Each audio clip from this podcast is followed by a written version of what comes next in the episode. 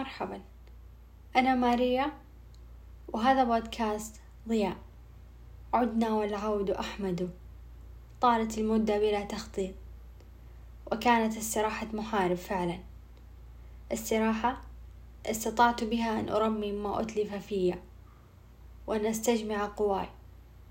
حلقة اليوم لا تندرج تحت سياق ضياء. لكنها مشاعر عاشتها ضياء وتدرك يقينا. أن كل من خاض التجربة عاش المشاعر نفسها. ربما لن تكون إضافة للمستمع ولكن لشعور الانتماء ولأننا نخوض تلك الصعاب ولكن بدرجات متفاوتة. ها هي الأيام تمضي بعد عام مليء بالثقل. في هذه اللحظة لا يوجد وصف دقيق لأصف به مدى كثافة مشاعري. مررت بأشهر وأيام وساعات من أصعب ما يمر به المرء. ولكنني الآن أحمل بداخلي رحابة هذا الكون.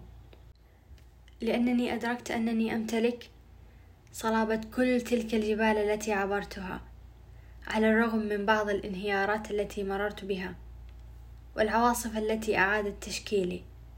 ها أنا اليوم. أتحدث وأنا في نسختي الجديدة. الأكثر قوة وصلابة ومرونة.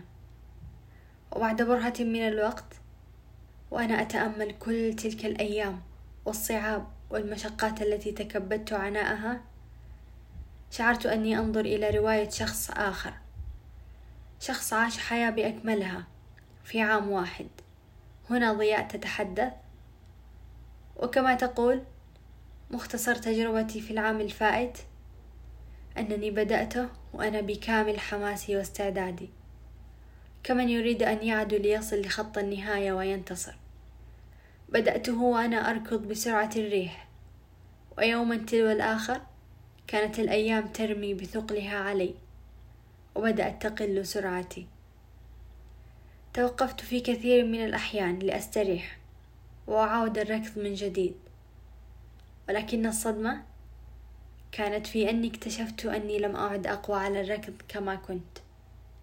لم أستسلم. وأصلت الركض ولكن بخطوات بطيئة ومتقطعة. وفي نهاية الوجهة فقدت كامل قواي ووصلت زحفا. يعز علي أن أصل لهذه المرحلة من التعب وأن أحمل بداخلي كل ذلك الثقل. وكيف كنت أقف بعد كل عثرة؟ وكيف أسير وأنا أنزف؟ ولم يكن لدي الوقت الكافي لأقف أو ربما تصورت ذلك. واستكثرت على نفسي الوقوف. وهنا كان خطأي وكما قلت في حلقة استراحة محارب أدركت بعد كل ذلك الركض أنني يجب علي الوقوف لأرمم وأداوي جراحي وأستعيد قواي. لكنني مضيت بشجاعة الجندي المحارب. وعلى أمل الفوز بمعاركي. كنت معركة تلو الأخرى أزداد ضعفا ويزداد إصراري على المضي إلى أن وصلت.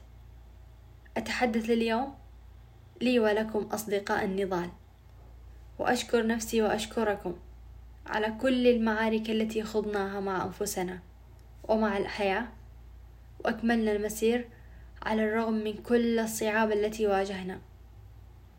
أعلم مدى صعوبة المسير وكيف مضت كل تلك الأشهر بذلك الثقل الذي واجهناه؟ وكيف أكملنا المسير متحدين أنفسنا؟ وكيف خضنا المعارك مع ذواتنا؟ وقاومنا مشاعر الانطفاء؟ وواصلنا المسير في كل تلك العتمة المحيطة بنا. لنظفر بذلك الضوء الذي ينتظرنا في نهاية الوجهة. ضوء ينبثق داخل صدورنا. ويتسلل برفق ليغمرنا بدفئه. ها نحن الآن. نعيش اللحظة التي تساءلنا عنها. كم لبثنا من أجل هذه اللحظة؟ إنها السعادة التي أود أن أتقاسمها مع كل من في الأرض. لكفتهم وفاضت. أما الآن وقد شارفت الإجازة على الانتهاء تجلدوا واستعدوا. وضعوا خططا لهذا العام. خططا لتلافي عثرات وأخطاء العام الفائت. أعلم أن كل ما فات كان بمثابة الدرس وها نحن نعاود خوض التجربة ذاتها. ولكن هذه المرة بشكل مختلف بمرونة ووعي أكثر. ختاما أصدقاء ضياء أتمنى لكم إجازة سعيدة. اظفروا بكل لحظاتها وعيشوها بحب. واعتبروا كل لحظة تمر بمثابة ترميم لما فات واستعدادا للآتي. ممتنة لكل شخص دفعني للمضي للأمام. ولكل رسالة أعادت الضوء بداخلي. ولكل لحظة صنعت ضياء ومن حسنات هذا العام أني بدأت ضياء. وكان بمثابة الضوء لي قبل الآخرين. فاض السرور علي. حينما وجدت أن ضياء قد أضاء العتمة في أرواح من حولي. ومن استمع له. ولأنكم سبب لاستمراري أشارككم فرحتي بوصول ألفين مستمع.